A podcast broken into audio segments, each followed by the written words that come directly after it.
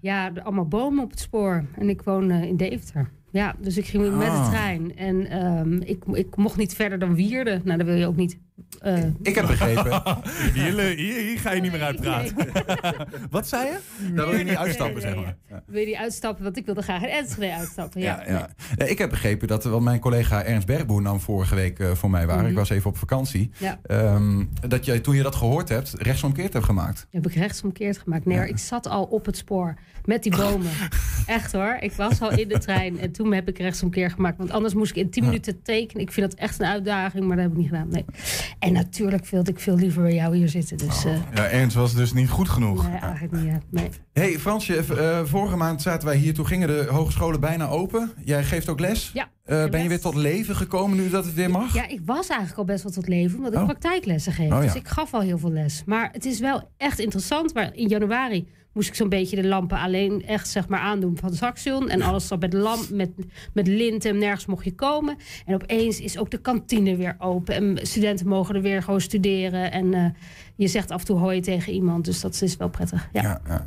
Ik, ik ging trouwens even, eh, voordat we, want we gaan natuurlijk jou straks weer aan het werk eh, zetten, slash zien. Yes. Ehm, ik, ik ging even YouTuben, omdat ik even benieuwd was naar iets. Dus ik YouTubede jouw naam. Oké. En wat pardoes kwam bij mij in beeld. Je hebt ooit een TED-talk gehouden. Ja, ik heb ooit een TED-talk Bijna gehouden. onherkenbaar eh, Ja, ja, qua uiterlijk. Ja, toen zag er nog iets anders uit. Waar ging dat over in een notendop? Oeh, dat ging over hoe eh, ik st- studenten wilde lesgeven in crisissituaties. Dus ik heb ooit samen met de collega Marije Draaier... hebben wij eh, vijf studenten meegenomen naar Lesbos...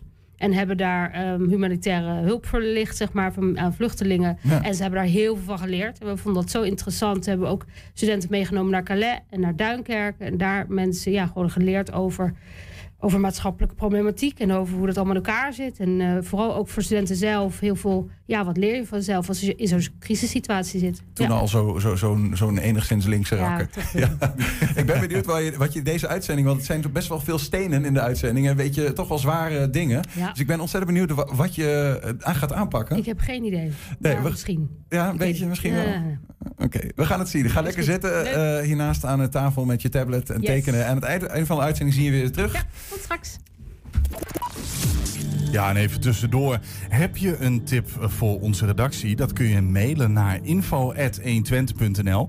Ja, zometeen hier Onno van Veldhuizen, die vertrekt als burgemeester van Enschede. Maar weten de Enschedeërs eigenlijk wel wie hij is? Eerst gaan we naar Hengelo. De stad heeft ambitieuze plannen met de binnenstad. Naast het stadhuis komt een ondergrondse parkeergarage met eh, daarboven winkels en appartementen. Als die klus geklaard is, wordt het eh, huidige winkelcentrum gesloopt en verrijst op die plek een woonwijkje. De totale kosten daarvoor zo'n 110 miljoen euro. Aan tafel is wethouder Gerard Gerrits, die ongetwijfeld vol trots over eh, wil vertellen. Goedemiddag. Goedemiddag. Eerst even wat anders. Ehm, deze week eh, werd ook bekend dat een selectiecommissie de oude bibliotheek aan de Vondelstraat heeft gegund aan ontwikkelaar Van Wijnen. Het bedrijf gaat er zo'n acht appartementen voor urban farmers van maken. Is dat goed nieuws voor Hengelo? Nou, wat goed nieuws is, is dat het een goed plan is. En dat is denk ik, eh, ehm, eh, dat moet voorop staan. En eh, de Vondel, de, de, de bibliotheek, de oude Storkbibliotheek in de Vondelstraat, die blijft behouden. En denk dat dat heel goed nieuws is. En dat er ook de oude elementen van het gebouw eh, behouden blijven. Ja, ja. Hoe gaat zo'n procedure eigenlijk in zijn werk? Want er, er- de- ik vraag dat ook omdat er, er zijn nog wel reacties opgekomen. Hè, van ja, moet dat nou naar een projectontwikkelaar? Moest dat niet misschien naar andere partijen die zich ook hadden ja, ingeschreven voor dat pand? Hoe werkt dat eigenlijk? Nou, voorafgaand worden gewoon eh, criteria opgesteld. Hè. Waar, waar moet het eh, aan voldoen? Is, heeft het toegevoegde waarde voor de buurt? Eh, gaat het niet te veel parkeeroverlast veroorzaken? Dat zijn allemaal criteria die van tevoren opgesteld worden. Nou, één daarvan is natuurlijk ook dat, dat het iets het monumentale behouden blijft. Het plan is dan belangrijk. En dat wordt dan in, in, in, in cijfers wordt dat gewogen. Hè. Dat, dat, daar krijg je punten voor. Dat weegt dan 60% mee. En daarnaast weegt dan eh, het bedrag wat ervoor geboden weegt voor 40% mee. Ja. En dat is één een hele belangrijk iets is daar wel bij. Veronderstel dat er iemand komt en die biedt echt een waanzinnig hoog bedrag. En nummer twee ligt daar heel ver, mijlenver vanaf. Dan is het niet zo dat ehm, eh, degene die dat megabod gedaan heeft, het dan ook krijgt. Want het is dus van tevoren, zijn er spelregels over afgesproken. Dat als de biedingen zo ver uit elkaar liggen, dat nummer twee, drie en vier ook gewoon eh, in verhouding meer punten krijgen. De grootste bieder krijgt wel punten, Mhm. maar niet in verhouding zodat eh, eh, het bod leidend is. Ja. De, en als u dan wat we even, we hebben een van de, eh, van de andere optanten was eh, theatergroep Kamak. Ehm, eh, die zijn het niet geworden, vis achter het net. Die zeiden voor ons is het een 100% match. Zou u zeggen dat zij dan een eerlijke kans hebben gehad? Ja, want je, kijk, als je vooraf de spelregels opstelt, kun je niet gedurende het spel de spelregels veranderen. Mhm. Dus ze hebben gezien wat ze, wat ze moeten doen, hè, wat ze aan, aan, aan plan moeten indienen. Eh, daarnaast de, de, het bedrag wat ze ervoor bieden. En hebben ze gewoon een eerlijke kans gehad. Ja, ja. We hebben een aantal. We, hebben dit nieuws gepubliceerd op onze Facebookpagina ook. En daar kwamen een heel aantal reacties op. Toch even, want die waren nogal. Er zaten wel goede vragen bij. Een aantal aan u voorleggen.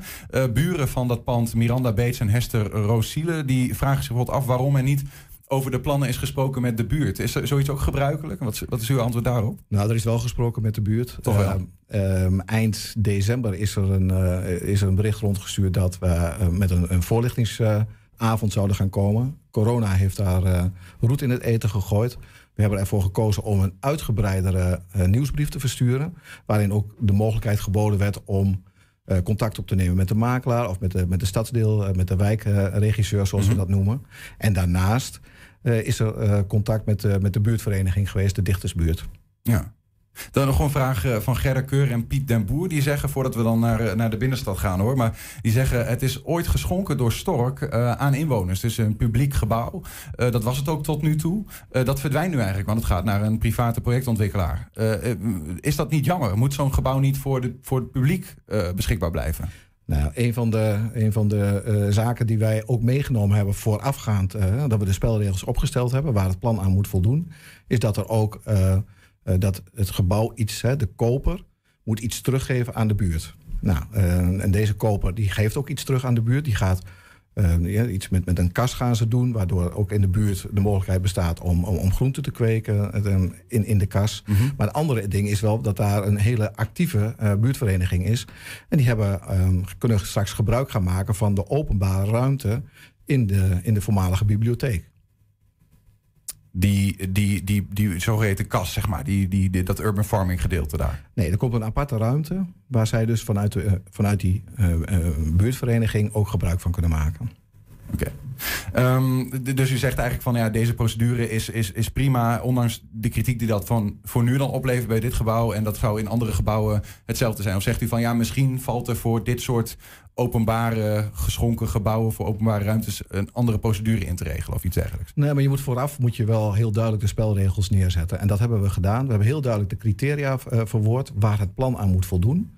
Ehm, hebben bijvoorbeeld, eh, is in ik dacht 2016 is in de buurt is opgehaald. Hè, wat, wat, waar moet het aan voldoen? Nou, daar kwam onder andere het idee wonen uit. Maar er kwam ook uit dat het geen parkeeroverlast moest veroorzaken. Want het is een, een buurt vrij dicht, dicht bevolkt met weinig ruimte voor parkeren. Maar het moet ook aansluiten bij bij de wijken, die uitstraling, het monumentale, dat, dat hebben we allemaal opgehaald destijds. En die hebben we allemaal verwerkt in die criteria. Dus dan, en op dat moment ga je, zet je dat in de markt. En dan gaan partijen gaan een plan schrijven. Ja, en dan kun je niet halverwege eh, de criteria veranderen, want dan krijg je eh, nou, echt problemen. Duidelijk. Dan iets waar, eh, waar u misschien liever over spreekt, dat weet ik eigenlijk helemaal niet. Maar het is in ieder geval een, een groot project. Eh, Lange Wemen in de binnenstad. Er komt 110 miljoen euro beschikbaar voor, de, voor die plannen. Ehm, we hebben een zogeheten artist impression. Een soort van beeld van wat we daar gaan, gaan zien. Ik weet niet of we die even kunnen laten zien. Eh, dan kunt u ons misschien doorheen praten van wat, gaan we, wat zien we hier?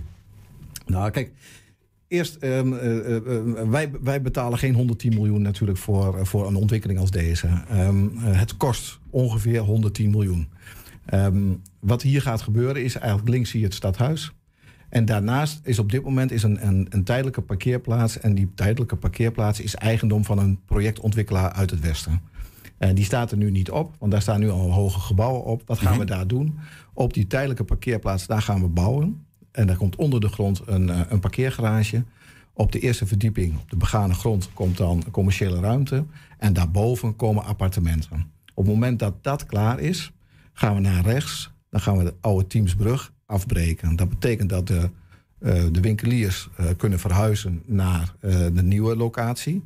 En dat is niet helemaal eh, eh, één op één, want er is straks minder vierkante meters dan dat er nu in Teamsbrug is. In, in winkels, rinkelruimte gaat achteruit Ja. en woonruimte gaat vooruit. Exact. Wordt meer. Ja. En op het moment dat die verhuizing klaar is, gaan wij Teamsbrug en de parkeergarage afbreken. En wat zie je dan op het plaatje? Dan zie je dus eigenlijk een nieuwe woonwijk ontstaan. eh, met appartementen, met grondgebonden woningen, met groen, Groen, met parkeren.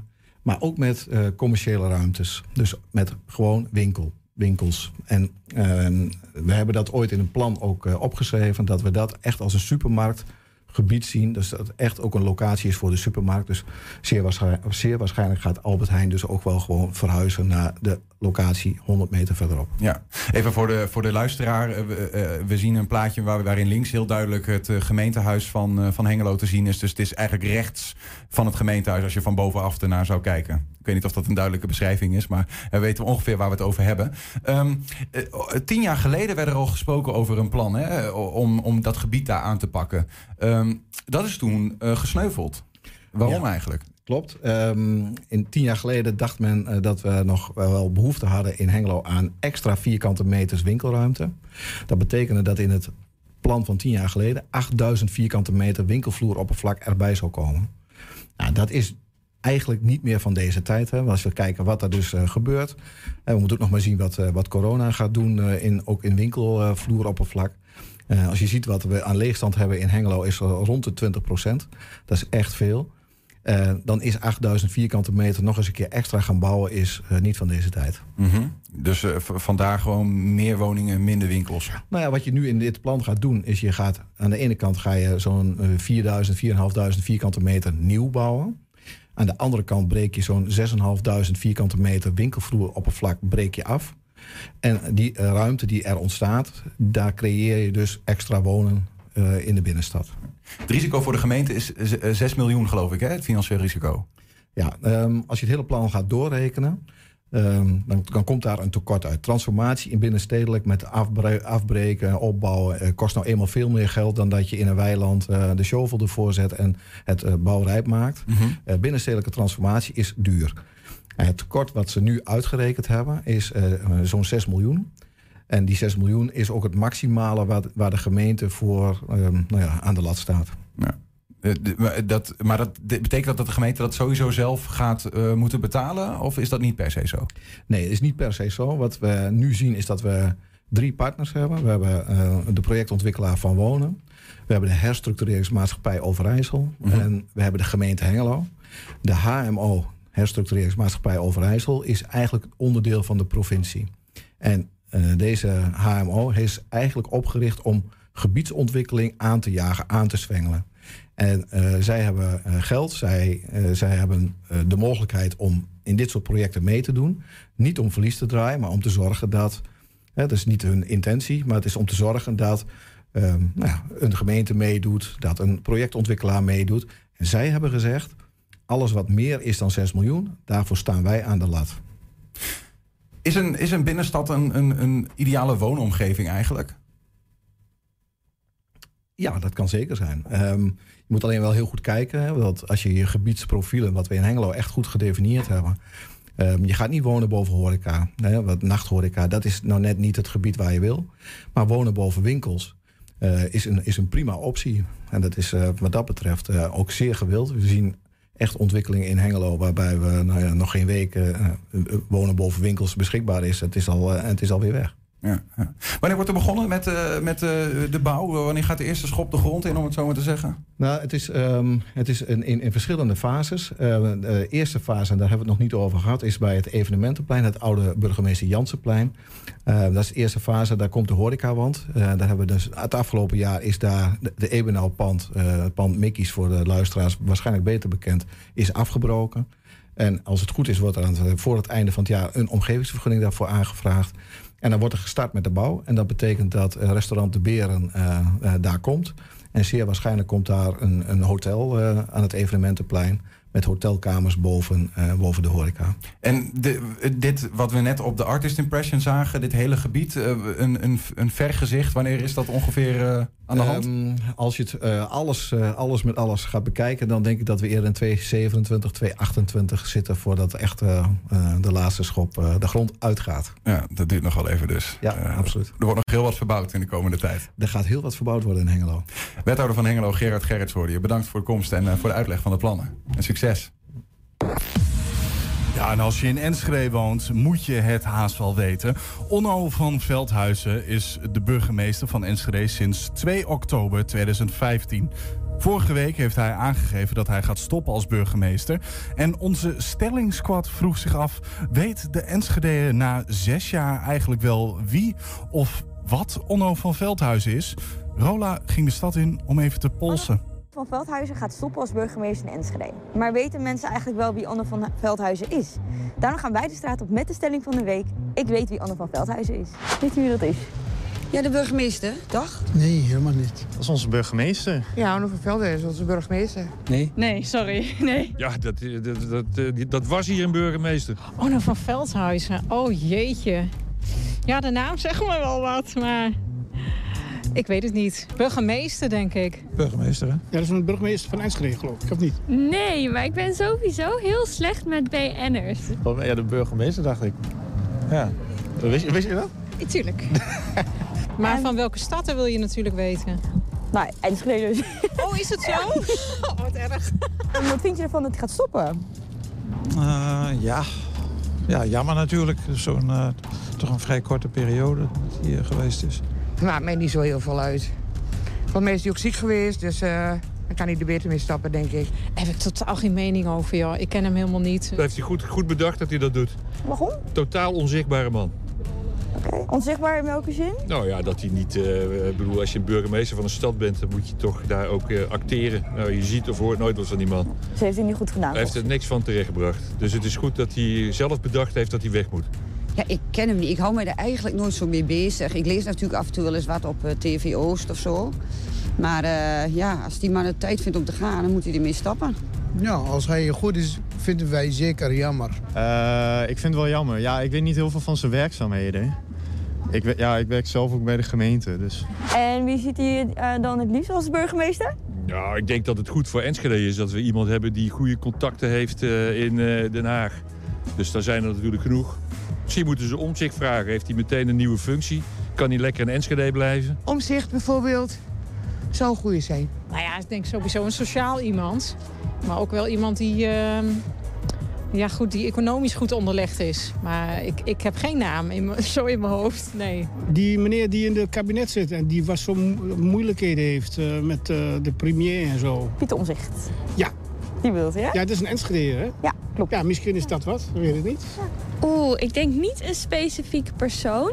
Maar ehm, als het iemand is die ook wel zich veel bezighoudt met milieu... dat zou ik wel belangrijk vinden en fijn vinden.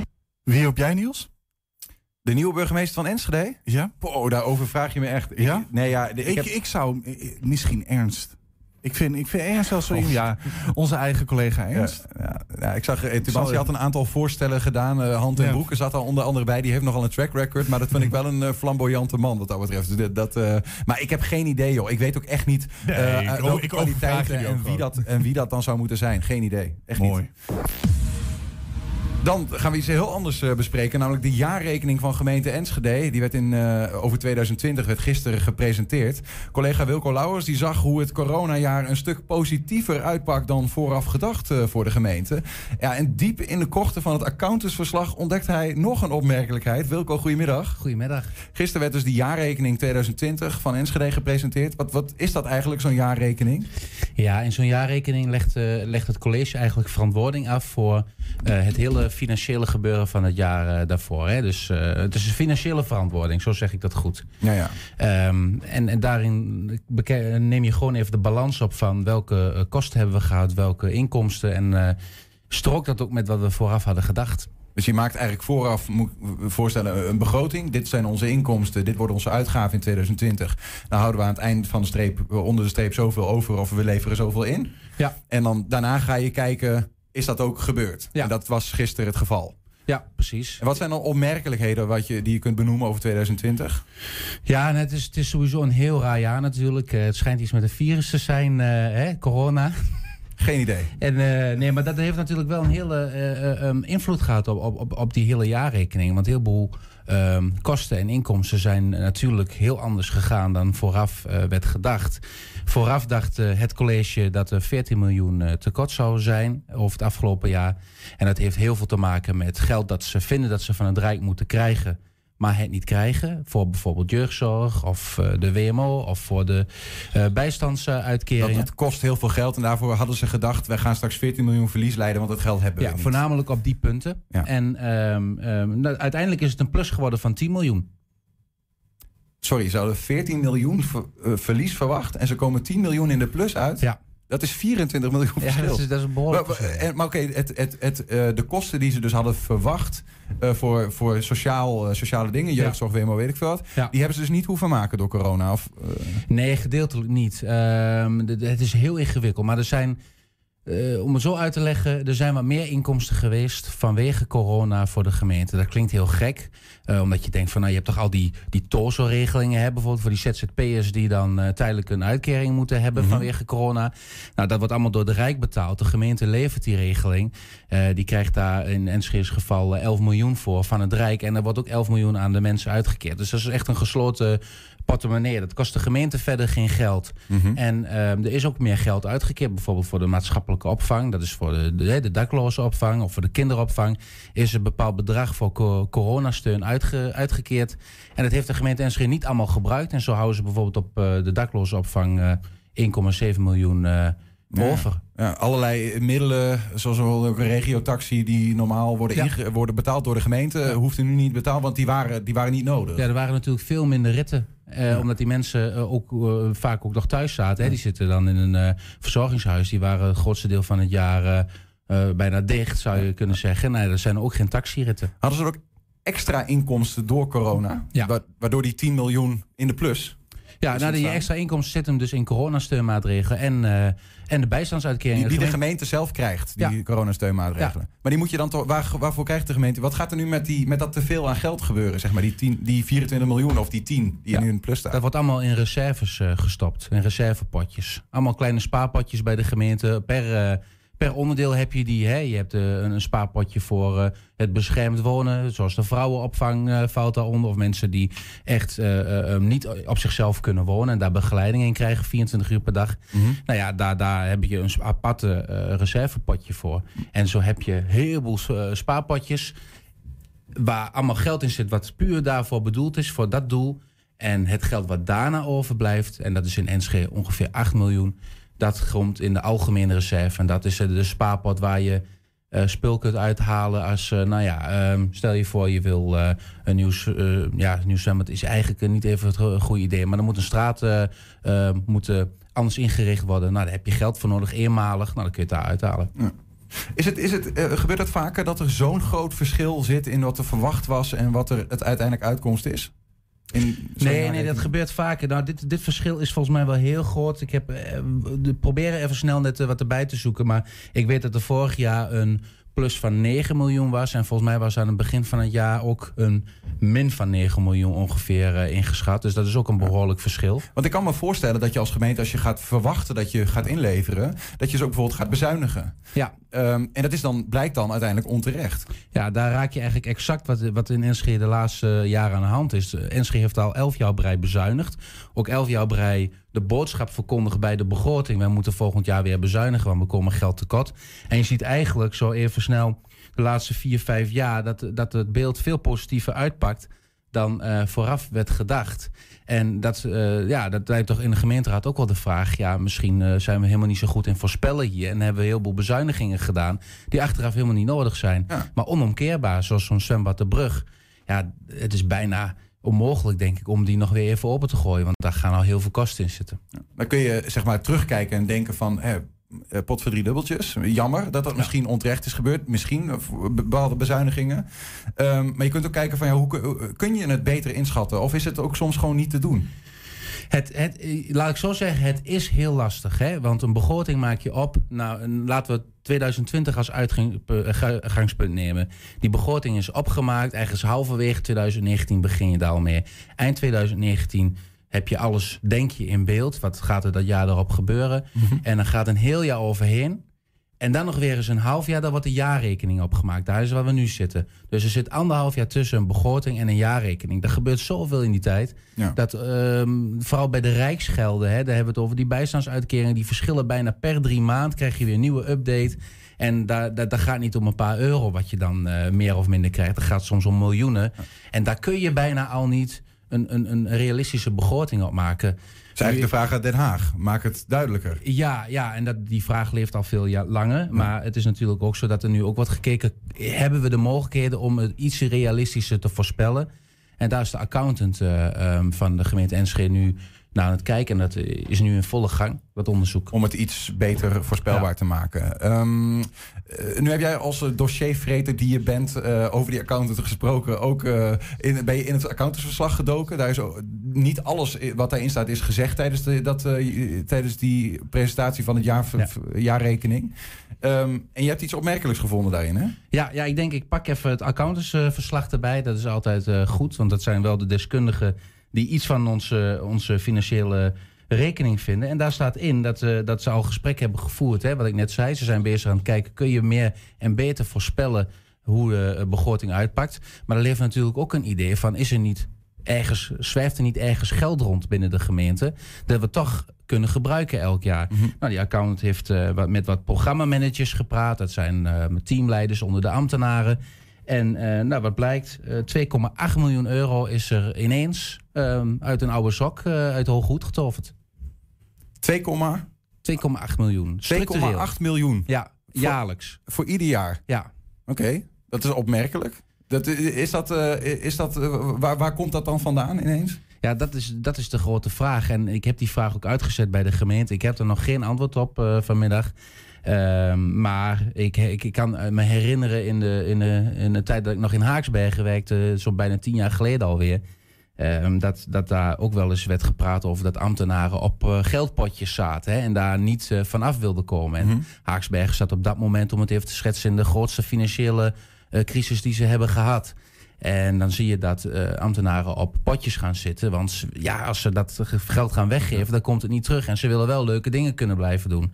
Ook nuttige dingen. hoor. Stel dat dat in tussen. Enschede aan de hand is, worden die potjes dus uit onder hun weg getrokken. Eh, ja, het lijkt er wel op, want, want eh, de accountant stelt ook dat het ambitieniveau is niet veranderd en eh, de uitvoeren werkzaamheden zijn ook niet aangepast. Dus dat is geld wat niet ergens voor staat gereserveerd. Er verandert niks dat dat geld nu er ineens wel is. Dus er lijkt me nog een hele zinvolle vraag en ook het antwoord lijkt me interessant wat, eh, eh, waar het geld nu eh, vandaan komt. Maar het is er en vanaf volgend jaar in te zetten. Ook, dus het komt echt vrij voor. eh, en wat weet je, wat, de- wat gaat de gemeente daarmee doen? Want 2,8 Nee, dat- miljoen, wat kun je daarmee doen? Daar kun je misschien wel ehm, een zwembad van openhouden. Ja, dat zou, eh, dat zou wel, wel kunnen, ja. Hè? Want eh Zwembad de Brug, eh, weet ik nog wel in mijn hoofd, was 3,5 ton per jaar, dacht ik. Ehm, maar je kunt ook de bezuiniging op eh, de, de strijkservice zou je kunnen terugdraaien. Dat is ook 5 ton per jaar. Je zou kunnen zeggen, nou die strijkservice wordt afgeschaft hè, voor mensen die eh, huishoudelijke hulp hebben. En je kunt ook zeggen, nou die laten we mooi in stand. En dan, eh, dan heb je nog 2,3 miljoen wat je nog aan andere eh, nuttige dingen kunt besteden. Een soort van snoepwinkel. eh. Ja, ik denk dat zeker dat de gemeenteraad hier wel eh, wat ideeën voor heeft. Al denk ik ook dat het college met wat ideeën gaat komen. We gaan het meemaken. Wilco, dankjewel voor je uitleg. Dankjewel. Zondag werd FC Twente vrouwen voor de zevende keer landskampioen. Zelf won de ploeg op de valreep van ADO Den Haag en titelconcurrent PSV ging onderuit bij Ajax. Daarmee is FC Twente met nog één wedstrijd te spelen niet meer te achterhalen. Het werd nog wel heel even spannend, want de 1-0 van FC Twente viel pas vlak voor tijd. Jansen. Jansen goed. Voorzetten strak. En daar is het doelpunt. Daar is het doelpunt dat Twente normaal gesproken de titel bezorgt. Stolse maakt hem. De meest actieve na rust. Zo ongelooflijk dreigend. Met een paar goede voorzetten. Nu denkt ze, ik sta zelf maar eens voor het doel. En op de juiste plek. Als ik die aan de voet kreeg, weet ik echt niks meer. Ik uh, weet alleen dat de bal in de goal was. En ik was eigenlijk blij omdat wij gewoon een goal geschoten hebben. Ik wist niet hoe het bij Ajax PSV stond, niks. Ik was gewoon blij dat wij gescoord hebben. Zo laat in de wedstrijd, want het, jullie maakten het echt wel even spannend.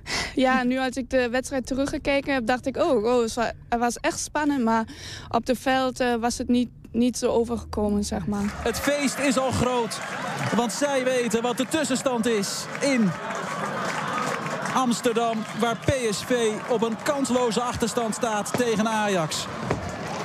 Wanneer hoorde je eh, dat zij ook verloren hadden? Ik weet nog, na de wedstrijd kwamen alle op de veld gerend. En ik dacht, wat is dit nu? ik was bij Sap en toen kwam Fenna. Ja, ze hebben verloren, ze hebben verloren. En toen pas dan wist ik, oh ja, oké, wij zijn kampioen. Hadden jullie het zelf verwacht dat het vorig weekend al zou gebeuren? Want het was natuurlijk, ja, jullie waren dus afhankelijk van. Ja, ik moet eerlijk zeggen, die dagen voor de wedstrijd dacht ik het wel een beetje zo. Hmm, kan wel gebeuren en zo. Maar op de wedstrijddag dacht ik alleen maar, oké, wij winnen dit hier. En volgende week winnen wij ook. En dan zijn wij kampioen. Dus ik had daarmee ik niet, echt niet rekening gehouden. Maar umso mooier dan dat het gebeurd is. Maakt het dat extra mooi? Dat het in die zin een klein beetje onverwacht was op dat moment? Ja, zeker, 100 procent. Eén dag voor, voor eind eh, nog kampioen te worden is natuurlijk echt, echt leuk, ja. Mag je zeggen dat jullie een beetje de verrassing zijn geweest? Want ehm, ja, op voorhand waren jullie misschien, ondanks dat jullie altijd een, een strijder zijn om de titel, wel een beetje de underdog op voorhand. Ja, op voorhand was het zo. Eh, dan eigenlijk durende de eerste periode in de competitie natuurlijk dan nog een keer bevestigd eigenlijk. Dat we al eh, aardige achterstand eh, opgelopen hadden. Ehm, ja, dan zo weer terug te komen, dat, dat kun je eigenlijk niet plannen. En toch is het gebeurd en hebben we daar ook steeds meer vertrouwen in gehad. En richting de play-offs stonden we daar uiteindelijk. En nou, hebben we heel erg van genoten. Het is steeds waarschijnlijk nog mooier als je voor een bepaalde verrassing zorgt. eh, als andersom, als het normaal eh, is dat je kampioen wordt. Ik kan me zo voorstellen dat jullie week er anders uit zou hebben gezien als de beslissing nog had moeten vallen. Ehm, ja, hebben jullie de week daarop aangepast? Ja, zeker. Eh, dat hoort ook erbij. Eh, het is eh, nu de kunst ook een goede afwisseling daarin te hebben tussen plezier en ook gewoon de ambitie. We hebben een aantal meiden nog ertussen die richting Olympische Spelen willen. We hebben een aantal meiden ertussen die, die misschien hun allerlaatste wedstrijd voor Twente spelen. Dat zijn alles afwegingen die wij natuurlijk daarin meenemen en proberen uiteindelijk de laatste wedstrijd aan te creëren. Wat ehm, proberen jullie dan zelf nog zeg maar, voor zondag ten doel te stellen? Want er staat voor jullie natuurlijk niks meer op het spel. Maar is er dan nog wel iets waar je echt voor speelt op zo'n in zo'n wedstrijd? Nou, wij willen gewoon laten zien dat wij de beste in de, in de hele league zijn, in de Eredivisie. Dus wij moeten elke wedstrijd winnen. En dat is eh 100% ons doel. En het is leuk als er nog een paar mensen die de club verlaten speelminuutjes maken. Maar op zich wil je iedereen nog winnen. Dat is eh, zeker. Dus op die manier eh, staat er zeker voor jullie op zo'n manier nog wel wat op het spel. Ja, zeker. Wij hebben echt geen zin om nu nog eh, te verliezen of om te verliezen. Dus wij geven echt alles en iedereen wil gewoon winnen. Wat een manier voor jou om eh, ja, na zoveel jaar hier de deur dicht te trekken. Had je dat durven hopen, dat het met de schaal zou gebeuren? Eh, de hoop heb je steeds. Eh, dat vertrouwen eh, ontwikkel je eigenlijk dan even binnen de samenwerking natuurlijk door het jaar. Ehm, en in alles is gewoon dan even een, perfecte seizoen. We hebben de kampioenschap. Heel veel meiden blijven gewoon bij elkaar. We zijn gekwalificeerd voor de Champions League. Zo hoop je, ik zeg maar, jouw werk gewoon verder te dragen aan iemand anders. En ja, ehm, is dat uiteindelijk zo gebeurd. Dus ik mag met trots op deze periode terugkijken. Heb je vijf jaar echt helemaal naar mijn zin gehad. En eh, ja, van deze periode echt genoten. Nou, je laatste dagen hier. Wie weet kom je, kom je ze tegen in de Champions League. Dat eh, zal ook wel een mooie scenario kunnen zijn. Het, eh, ik weet niet of ik dat echt wil, dat het dan wel heel dicht aan elkaar is. Ja. En het zal echt over twee maanden al zijn dat we dan eh, opeens tegen elkaar moeten. Ehm, daar moet ik echt wel op letten dat ik in de, in de juiste de koud zit. Dus zal ik liever het opsparen voor een ander moment. Ja, dat was dus trainer Tommy Sloot. Hij vertrekt na dit seizoen naar VfL Wolfsburg. En dat is eh, eigenlijk wel de crème de la crème van het vrouwenvoetbal. Voor hem dus daar ook veel succes gewenst. Ja, de spannende weken zijn eindelijk voorbij voor de eindexamenleerlingen. Vandaag werden de laatste examens gehouden. Wij volgden deze periode drie leerlingen uit onze regio. Ze hielden ons op de hoogte van eh, ja, hun examenavonturen. En nu het erop zit, zijn ze bij ons om nog eens met z'n allen eh, terug, eh, maar ook vooruit te blikken. Stan Prijs en Elisa Gimenez Bassano. Jullie deden bij de VWO-examen. Ja. En Esmee Heimerink, jij deed MAVO-examen. Jullie overigens de eerste twee op Bonhoeffer College in Enschede. Jij in het Avila College in Hengelo, hè Esmee? Ja. Welkom allemaal. Leuk dat jullie er zijn. En gefeliciteerd. Het is eindelijk klaar, eh, Stan. Opgelucht? Ja, ja. Ja, ik heb er niet per se tegenop gezien, maar het is wel lekker dat het dan eh, weer voorbij is. Ja? En nu vakantie. Lekker. Esmee, is het wat jou betreft eh, meegevallen eh, naar wat je verwacht had? Jawel, de meeste vakken wel. Alleen natuurkunde viel wel echt tegen. Natuurkunde was lastig. Ja, het was echt een eh, lastig examen. Laten we het daar maar op houden. En komt het, is natuurkunde niet jouw sterkste kant? Of was het gewoon zelfs dan nog, als je, was het lastig? Zelfs dan was het nog lastig. Ja, ja. En krijg je dan wat, als je, dan, als je iets lastig vindt, dan over het algemeen worden er dan wat extra snoeppuntjes bij gedaan? Stel dat heel Nederland zegt, eh, natuurkunde, MAVO-examen was veel te lastig, krijg je wat extra punten. Is, is dat het geval? Weet je dat? Geen idee. Volgens mij gaat de nummering dan alleen omhoog. Maar Ja. ja dat zou schelen dan, hè? Ja. Elisa, hoe was het voor jou? Eh, ook opgelucht dat het voorbij is? Of had je nog wel eh, tien examens willen maken? Nee, nee, ik ben echt zeker opgelucht dat het voorbij is. Het voelt wel gek. Ik eh, heb echt nog niet het gevoel dat het erop zit en dat ik echt, echt klaar ben dit keer. Maar eh, ja, morgenochtend wakker worden en gewoon eigenlijk niks te doen hebben. Dat, eh, Dat is apart, hè? Ja, dat is heel apart. Want je hebt gewoon... Ja, jij bent een VWO-leerling. Dus je hebt denk ik zes jaar. Ja, ik heb zeven jaar. Ik heb eh, twee jaar geleden ook al een keer examen gedaan dan op HAVO. Dus ik heb er zeven jaar op zitten. Ja. En dan is Ja. het morgen wakker worden in een eh, schoolloos landschap. Heerlijk Ja. lijkt me dat, toch? Ja, heerlijk, maar heel gek ook. Ja, ja. Even heel klein eh, snel rondje. Stan, geslaagd of niet? Denk het wel. Denk het wel. Ja. Elisa? Ja. Esmee? Jawel, denk Ah, het wel. lekker. Dat scheelt. Dat scheelt. Ehm, Elisa, jij had vanmiddag nog, eh, vanochtend nog aardrijkskunde zelfs, ja, hè? vanochtend, negen uur. Hoe ging dat? Ja. Ehm, ja, ik vind het lastig om te zeggen. Want je maakt altijd het examen, dan kom je eruit en denk je... Ik heb het volgens mij wel goed gemaakt. En dan komen om twee uur die antwoorden online. En dan eh, open je dat. En dan denk je toch wel weer van... Oké, misschien ging het toch niet zo goed. Maar ik denk over het algemeen dat het goed genoeg was. Esmee, heb jij dat ook gedaan? Ja. Telkens 's middags eh, Ja. die antwoorden bekijken? Ja, en daar had ik zelf de antwoorden nog meegenomen naar huis om te gaan nakijken. Oh, wat, hoe deed je dat dan? Want je moet de antwoorden ook inleveren, toch? Ja, inschrijven in het, eh, het- op klapblaadjes en op de vragen zelf. Oh, je, je, eigenlijk gaf je elk antwoord twee keer. Ja. Op, je, op, je in, op je antwoordformulier en op een kladblaadje. Ja. Ja. Is dat herkenbaar voor de rest? Ja. ja. Stan ook, ja? Ja, als de tijd eh, over was, zeg maar. Want het eerste examen wiskunde heb ik eigenlijk geen tijd over gehad. Ja, dan kun je het niet twee keer gaan overschrijven. Maar bijvoorbeeld bij Duits of Nederlands of Engels is veel meer keuze. Dus ja, als Oh, je dan- hem dan één keer omcirkelt, kun je hem net zo goed twee keer omcirkelen. A'tjes, B'tjes en C'tjes Ja. opschrijven. Ja, maar is, heb je dan niet, want dan ga, ik, ik herken dat wel een beetje. Hè? Dan ga je smiddag naar huis, maar dan is het, het kan een vloek en een zegen zijn dat je dan die antwoorden ziet. Hè? Ja. Dus dan heb je ook wel eens gedacht, volgens mij kan ik deze beter niet openen. Nou, ik dacht dus bij de eerste, bij wiskunde, dat het juist wel goed ging.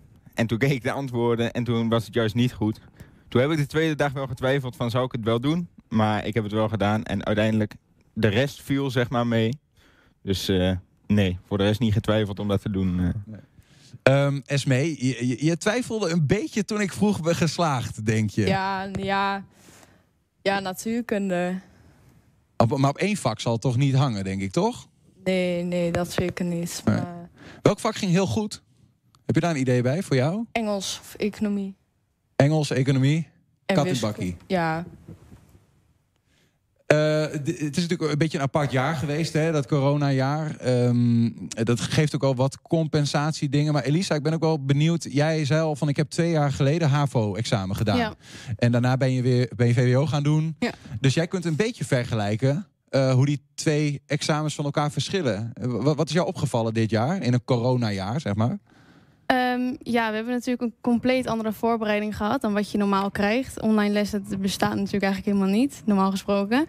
Ehm, dus ja, dat is, we hebben niet echt een de goede voorbereiding gehad die je normaal gesproken wel zou krijgen. Dus ik denk dat heel veel van ons ook het examen in zijn gegaan met echt het idee van ben ik wel goed voorbereid? Of je, ik voelde me in ieder geval helemaal niet goed voorbereid. Ik dacht echt, ik ga dit zo hier zo meteen aan beginnen, maar Joost mag weten hoe het eindigt. Oh ja? Dat is ook Ehm, niet heel prettig, toch? Nee, nee, het is, het is heel demotiverend. En ik had Herkennen jullie dat? Even de rest, zeg maar? Dat je, dat je, dat je twijfelt aan die voorbereiding?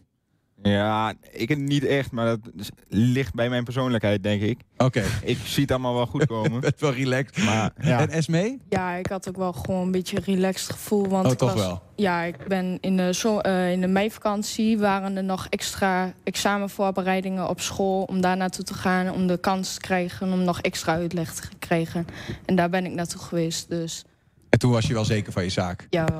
Maar Elisa, jij dacht van, poeh, ik moet het maar zien. Ja, ik, ik dacht, ik, eh, ik weet het niet. Maar het ligt natuurlijk heel erg aan de persoon. En ik kwam natuurlijk al van de HAVO, dus ik had al een soort van achterstand.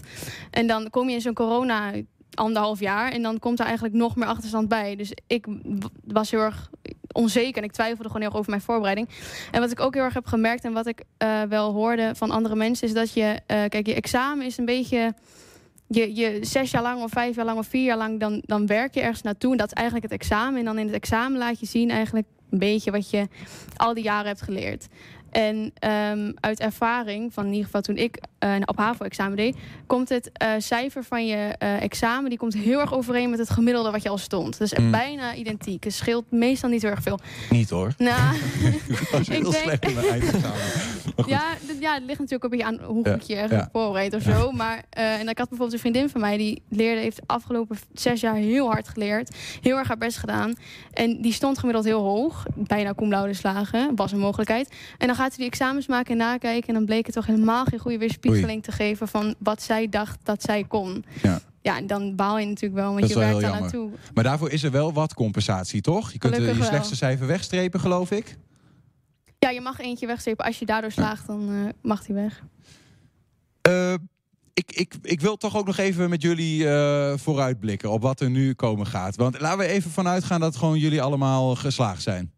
Even positief. Wanneer horen jullie dat dan eigenlijk? 10 juni. 10 juni. Ja. En eh, wat ga jij dan doen, Stan? Ja, als ik geslaagd ben, denk ik gelijk een feestje thuis. Gewoon met het gezin vieren dat ik geslaagd ben. En daarna, ja, vakantie vieren. Gewoon niks doen. De eerstkomende periode. En dan op een gegeven moment ga je weer focussen op het volgende schooljaar. Dus, Ja, eh, is er nog niemand van jullie die zeg maar ergens eh, stiekem achter een schuttingje met wat klasgenoten heeft afgesproken? Wij gaan met elkaar eh, een mooi feestje bouwen, ertussenuit misschien wel, Stan? Nog niet officieel. Nee? Maar ik denk wel dat het gaat gebeuren als iedereen slaagt. Dat er wel, eh, er gaat wel iets gebeuren, denk ik. Maar Ja, ja.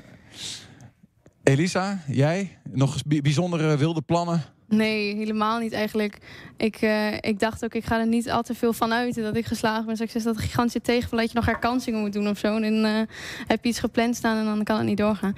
Nee, ik, eh, ik hoop misschien uit eten of zo met mijn gezin. Dat dat nog dat dat straks ook kan. Op terrassen in ieder geval open. Vakantie, ja. Genieten ervan, proberen te genieten. Want geen vakanties geboekt, dan nog steeds corona. Ja, lastig hè? Ja. Esmee dan? Nog Ja, wel, eh? waarschijnlijk gaan we het gewoon vieren met gezin. En voor de rest weet ik nog niet wat ik ga doen. Ja. Dan eh, tot slot, eh, ik ben wel even benieuwd wat jullie volgende stap in, zeg maar, eh, gaan het even vanuit dat het gewoon gaat lukken? Weten jullie dat al? Wat, wat ga je nou hierna? Ga je iets studeren, Stan? Of ga je iets, even rust nemen? nee, ik eh, ga gelijk door met studeren. Rechten in Groningen. Rechten in Groningen. Esmee? Eh, juridisch administratief dienstverlener op het ROC in Hengelo. Kijk, heel goed. En Elisa? Eh, Global Law in Tilburg. Wauw. Ik eh, hoop ontzettend met jullie mee dat het gelukt is. En dank dat we jullie deze week even mochten volgen. En veel plezier met welk eh, intiem of uitbundig feest er dan ook eh, gaat komen. Dank jullie wel. Dankjewel. Ja, we duiken met ironie en spot het weekend in. Ja, zometeen Fransje Immink en Bart Peter Zweem met spotprenten en spoken word. Eerst nog iets anders. Enschede kreeg van de autoriteit persoonsgegevens een boete van 6 ton opgelegd. 1,2 miljoen unieke bezoekers aan de binnenstad zijn gevolgd met wifi-tracking. En dat mag dus niet. De gemeente negeerde waarschuwingen, onder andere van die AP, en incasseerde dus die forse tik over de vingers van 6 ton. Tot zover, eh, tot zover niets nieuws. Maar nu, raadsleden roepen het college ter verantwoording. Maar kregen in een informele bijeenkomst een geheimhoudingsplicht opgelegd. Margriet Visser van Enschede Anders die stapte uit dat informele overleg. We hebben haar aan de lijn. Margriet, goedemiddag. Goedemiddag. Eerst even over die zaak zelf. hè. Wifi-tracking op de manier waarop Enschede dat deed, dat mag niet. De gemeente legt zich daarbij neer, weet je dat? Eh, er is een eh, eh, boete opgelegd. De gemeente heeft een zienswijze ingediend. Daarop heeft de autoriteit persoonsgegevens eh, gezegd van... ja, het is u wel verwijtbaar. Dus de wordt, eh, boete is ook nog een beetje verhoogd. En dat is tot een bedrag van 600.000 euro gekomen. En eh, ja, dat is het. En heeft de gemeente dan nu nog kans om daar nog weer tegen in beroep te gaan? Nou, de zienswijze hebben ze in feite al ingediend. Mhm. Waar zij, en dat gaan ze volgens mij ook doen, in bezwaar en beroep gaan. Dat kan tegen de hoogte van de boete. Wat was het doel van de informele eh, geheime bijeenkomst waar je uiteindelijk niet aan hebt deelgenomen? Nou, wij kregen de uitnodiging als een bijpraatsessie. en eh, op dat moment dat we allemaal via Zoom waren ingelogd... zei de burgemeester van het is informele bijeenkomst... maar ik leg wel geheimhouding op. Maar een bijpraatsessie, Margriet, waarover dan? Waarover zouden jullie worden bijgepraat? Over, de, over het vervolg van de opgelegde boete. Eh, dat betekent een mogelijke eh, bespreking van het beroep. Ik heb geen flauw idee, want ik ben eruit gestapt. Omdat ik gewoon dacht van, ja, maar wacht even. Eh, er is wat gebeurd. Er is een enorme boete opgelegd. Daar heb je ook gewoon als college zijnde... toch ook verantwoording over af te leggen aan je gemeenteraad. En dat doe je niet in achterkamertjes. Dat, daar staat het college ook niet voor. Transparant bestuur, eerlijk bestuur. En dat je sommige dingen onder geheimhouding doet, dat snap ik. Dat eh, gebeurt natuurlijk wel eh, vaker. Maar hier is eigenlijk alles al van bekend. Dus ik begrijp niet dat er dan ineens in een informele sessie geheimhouding opgelegd gaat worden. Maar stel even, ja, het is lastig om te speculeren als je, als je er natuurlijk niet bij bent geweest. Maar stel dat de gemeente, als de me- gemeente in beroep gaat en ze bespreken daar een, een tactiek en die willen ze voorleggen aan jullie als, eh, als fractievoorzitters. eh, dan, dan is daar wel een begrijpelijkheid dat ze eh, zeggen van ja, we gaan niet onze kaarten op tafel leggen. Want dan heeft de tegenstander of eventuele andere par- partijen kunnen meekijken. Dat kan, maar dat heeft niks te maken dat je verantwoording hoeft af te leggen op de manier waarop het is gegaan. Waarop eh, de aantal raadsfracties gevraagd hebben om stukken waarvan wij maar enkele stukken hebben ontvangen. Daar heb je gewoon iets uit te leggen. Het is veranderd van portefeuillehouder. Dat hoeft, dat hoeft niet in achterkamertjes. Waarom zou je dat moeten doen? Wat is, wat, de, de, de vraag is of er in die achterkamer een, een verantwoording afgelegd ging worden. Of dat er een, een, iets anders ging gebeuren. Wat is jouw. eh, jouw ehm, heb je, laat ik het anders vragen. Heb je een, een zorg gehad over die geheimhoudingsplicht die je had. dat het mogelijk jou als controlerend raadslid ook aan de kant zou zetten? Ja, dat is precies eh, hoe ik er ook tegenaan heb gekeken. Kijk, ehm, zit je in een geheime bijeenkomst... dan is het niet meer dan normaal dat je je daaraan houdt. Dan klap je nooit en nimmer uit de school, dat is het dan. Maar dat betekent dus ook dat je als raadslid ook niks meer kunt zeggen. Niet meer over de boete. Eh, je wordt in feite monddood gemaakt. En dat betekent dat ik gewoon mijn werk, wat ik eigenlijk doe voor die volks, als volksvertegenwoordiger, voor die inwoner, niet kan gaan doen. Terwijl ik denk, ja, die inwoner die verwacht van mij, hallo eh, beste gemeenteraad, er is een boete opgelegd van 600.000 euro. Laten we wel zijn, dat geld moet opgehoest worden door gemeenschapsgeld, dus de- door jou en mij en alle onze inwoners. En dan denk ik, ja, dan hoor je als gemeenteraad je co- eh, college te controleren. Daarom vragen we ook stukken op. En dan willen we niet, en dat begint een beetje een tendens te worden, dat wij stukken opvragen. En dat we nog een keer, nog een keer moeten vragen, er nog eens een keer achteraan. En dan denk ik, ja maar jongens, het zijn eigenlijk allemaal stukken wat voor een gedeelte helemaal openbaar is. Waar je zelf eh, eh, je driedubbel eh, een ons kunt gaan zoeken. Dat hebben ze gewoon te geven. Of ze dat nou leuk vinden of niet. Maar dat, moet, dat gezeur moet een keer afgelopen zijn. Wel- welke stukken mis je dan bijvoorbeeld nog? Welke Nou, ik informatie? mis de stukken, en die hebben we ook opgevraagd. Eh, de stukken tussen het college en het bedrijf eh, City Traffic. Of dat heet nu dan RMC. Die stukken hebben wij opgevraagd. Wat hebben jullie onderling eh, afgesproken, gedaan? En ik zie in het rapport van bevindingen van de autoriteit persoonsgegevens eh, april 2020 zie ik veel staan. Maar eh, ook heel veel zie je niet terug. Dus daarvan hebben we gezegd, we willen eens even controleren. Hoe, hoe ben je er allemaal mee omgegaan? Ja, ja, dit is de vraag eigenlijk van wat heeft de autoriteit persoonsgegevens aan de gemeente laten weten? En, en wat heeft de gemeente vervolgens met hun partner, eh, de uitvoerende partij die je net noemt, eh, eh, gezegd van hoe gaan, hoe gaan we dit, wat, wat, hoe, hoe zijn ze daarmee omgegaan met die, met die informatie vanuit de autoriteit persoonsgegevens? En dan gaat het vooral om de laatste, want het rapport bevindingen, dat is gewoon heel duidelijk. hoe de AP daarmee om is gegaan, wat ze hebben gedaan, het, het college eh, gesprekken, dat zie je terug. Maar je ziet ook gewoon een heel aantal eh, dingen terug waarvan je denkt van, ja maar beste BMW van Enschede, eh, het komt op mij over als jullie gewoon eh, verder zijn gegaan. Je bent al op de vingers getikt. Je hebt de onvoldoende medewerking gegeven, lees ik uit de stukken. En dat zijn echt wel politieke vragen. Waarom, waarom heb je zo slecht meegewerkt met de autoriteit persoonsgegevens? Had je dan eh, misschien in dit geval eh, eh, eerst die stukken willen hebben, eerst daar goed over debatteren en dat politiek met elkaar in ieder geval laten weten wat je ervan vindt? En, en, en dat als er dan zeg maar een strategiebespreking zou zijn voor een eventueel beroep, dan zou dat voor jou beter eh, zijn geweest? Of, of vind je dat sowieso niet van dat er zo'n geheimhoudende geheimhoudingsplicht bijeenkomst zou kunnen zijn geweest? Ehm, ja, ik denk als je strategie wilt gaan bepalen van zo willen we dit gaan doen. En dan los van het feit, want die politieke vraag heb ik dan wel. eh, hoe groot is de kans überhaupt dat je het bedrag van 6 ton naar beneden gaat? En dan eh, denk ik maar gewoon als ondernemer, ik gooi daar een kosten-batenanalyse tegenover. Welke kosten moet je maken eh, om überhaupt iets van dat bedrag naar beneden te krijgen? Want ik zie dat de autoriteit persoonsgegevens, of AP's noem het maar even voor het gemak, eh, daar toch heel duidelijk in is geweest. Dus de vraag is ook, moet je überhaupt dit gaan doen? Moet je in beroep gaan? Moet je in beroep gaan? Had dat ook een politiek besluit moeten zijn eigenlijk? Hadden jullie als gemeenteraad moeten bepalen of je dat had moeten doen? Nou, ik kan me voorstellen eh, dat, dat die vraag wel... eh, ja, ik heb geen flauw idee wat in die bijeenkomst... maar dit was voor mij wel een van de vragen geweest.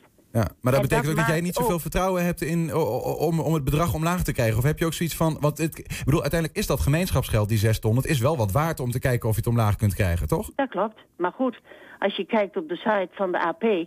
dan zie je alle staffels, zoals dat heet, eh, met de boetebedragen. Dus ze wisten al dat, wat voor boetebedragen dat eruit zouden komen. En zijn ook begonnen met vijf en een kwart. Zijn doorgegaan, dat is uiteindelijk zes ton geworden.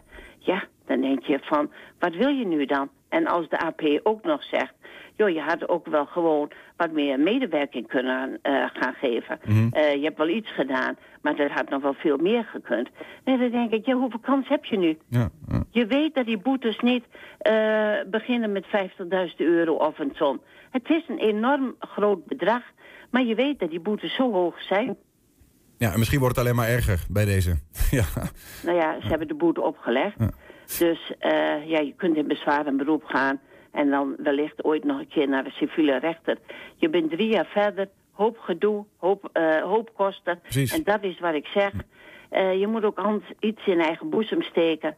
Ehm, als we de burgers iets hier verkeerd doen, dan jaagt de gemeente er ook achteraan. En dan denk ik, nou hebben jullie toch iets niet goed gehandeld. Eh, niet met opzet, daar wil ik, moet ik ze echt hand voor eh, boven het hoofd houden. Maar ja, je bent wel gewaarschuwd van jongens, op de manier waar jullie het, eh, waarop jullie de wifi-trekking uitvoeren, is niet conform de AVG. Dus doe dit niet. Ja, dan denk je, maar je hebt ook gewoon iets uit te leggen aan je inwoners. Ja, wat, wat, wat is, even tot slot dan Margriet, wat is wat jou betreft wat er nu moet gebeuren? eh, in plaats van deze geheime, geheime bijeenkomsten?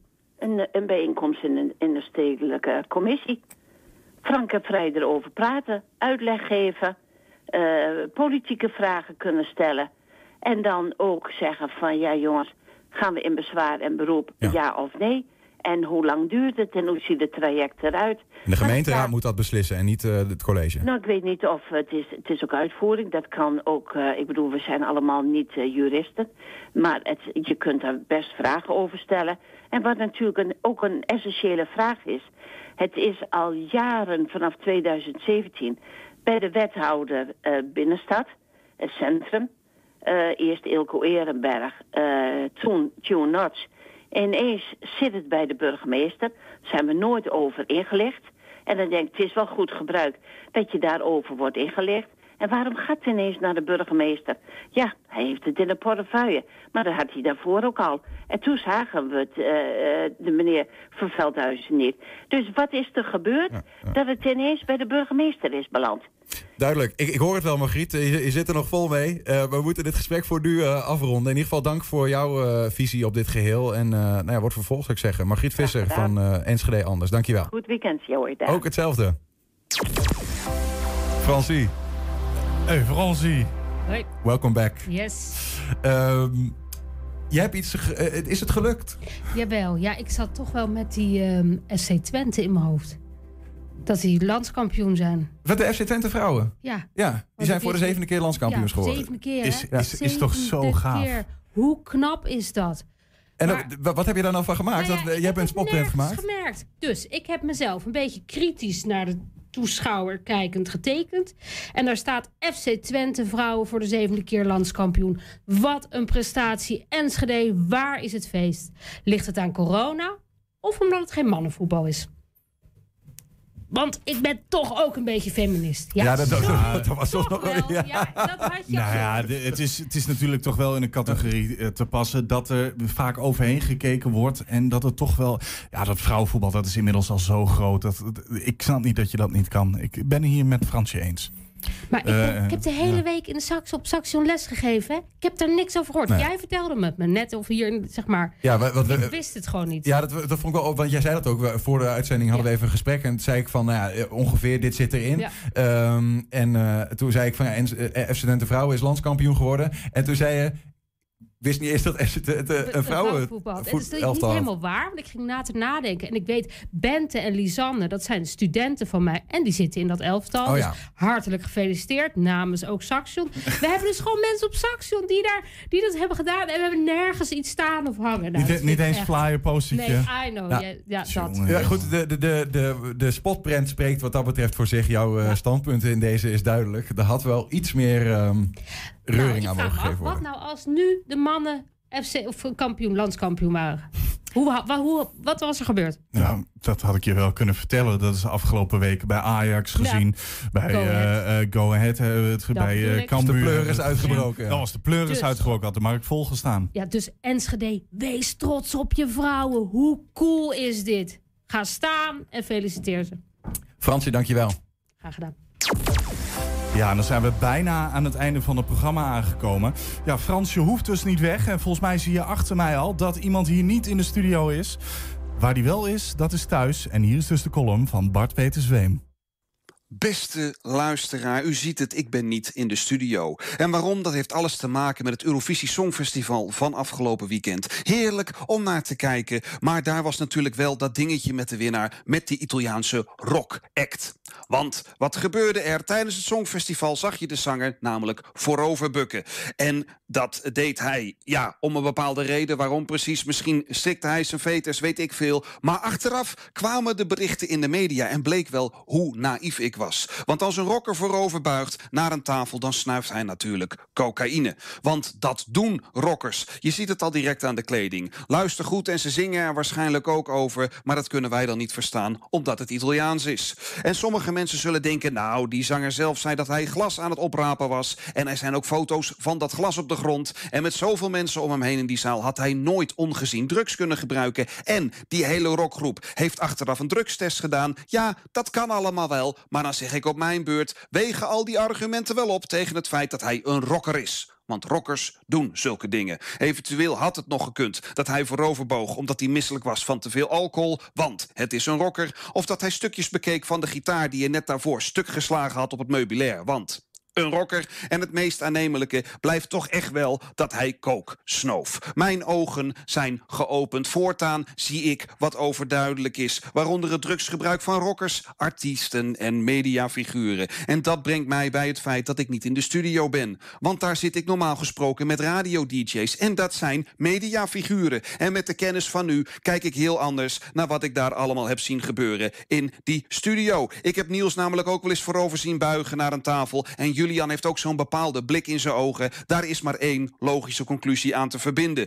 Mijn ogen zijn geopend. Die mondkapjes na afloop die zijn er helemaal niet voor de corona, maar om de witte randjes, om de neusgaten te verbergen. Die glazen platen tussen de DJ's zijn er om te voorkomen dat de kook van tafel waait als de deur open gaat. En die papiertjes die daar hangen met de tekst deuren dicht. Er wordt hier opgenomen. Ja, tuurlijk, dat zal allemaal wel. Dus ik ga eventjes niet naar die pool van verderf. Dit moet eerst worden uitgezocht. De onderste steen moet boven komen. En het wordt nog lastig, want zodra iemand bukt om die onderste steen naar boven te halen, wordt hij natuurlijk meteen beschuldigd van kookgebruik.